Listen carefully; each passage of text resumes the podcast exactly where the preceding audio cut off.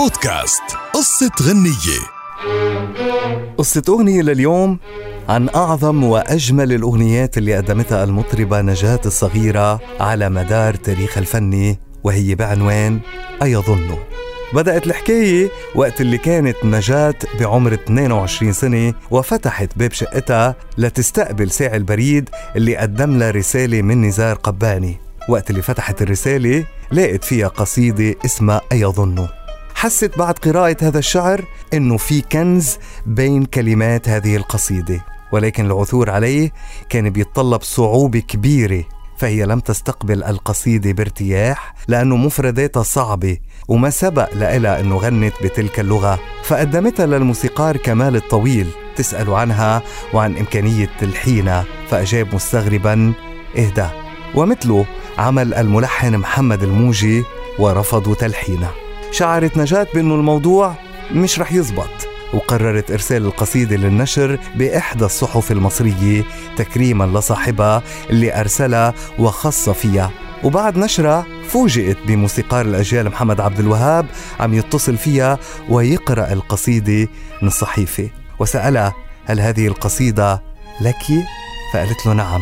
وكان يريد الاستفسار عما إذا كانت القصيدة مرت عليها أو قرأتها وسردت له ما جرى. فطلب منا إن تزوره لتسمع اللحن بعد ما لحنها أسرعت نجاة الصغيرة لتسمع اللحن اللي كان جاهز وغنت أيظن.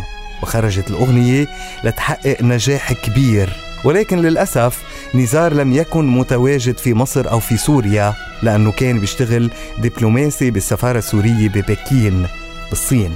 وزعل نزار إنه تصدر أولى قصائد المغناة إلى النور بدون ما يسمعها أو يكون قريب من هذا الحدث. بعت نزار رسالة عتاب لنجاة فكان مفاد الرسالة بنصها أيتها الصديقة الغالية لا أزال في آخر الدنيا أنتظر الشريط الذي يحمل أغنيتنا أيظن. تعيش في الصحف في السهرات وعلى شفاه الأدباء وفي كل زاوية في الأرض العربية وأبقى أنا محروما من الأحرف التي أكلت أعصابي. يا لك من أم قاسية يا نجاة.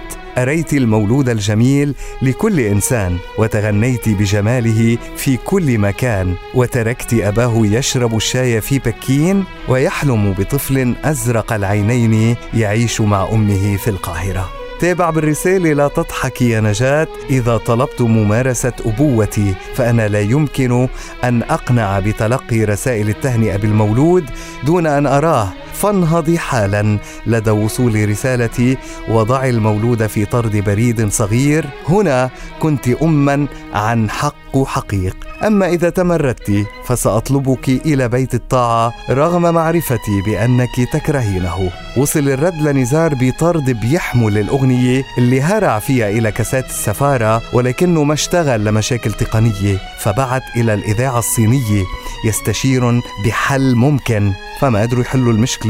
ولكن قدموا له حل بديل بأنه يمكنوه من سماع هذا الشريط على أحد أجهزة استديوهات الإذاعة الصينية. وهيك سمع نزار قباني أول أغنية مغناة له بالصين وبالإذاعة الصينية تحديدا. أيظن أيظن أني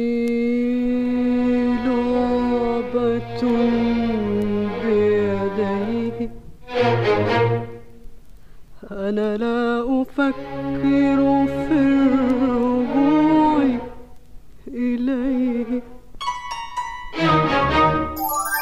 بودكاست قصة غنية.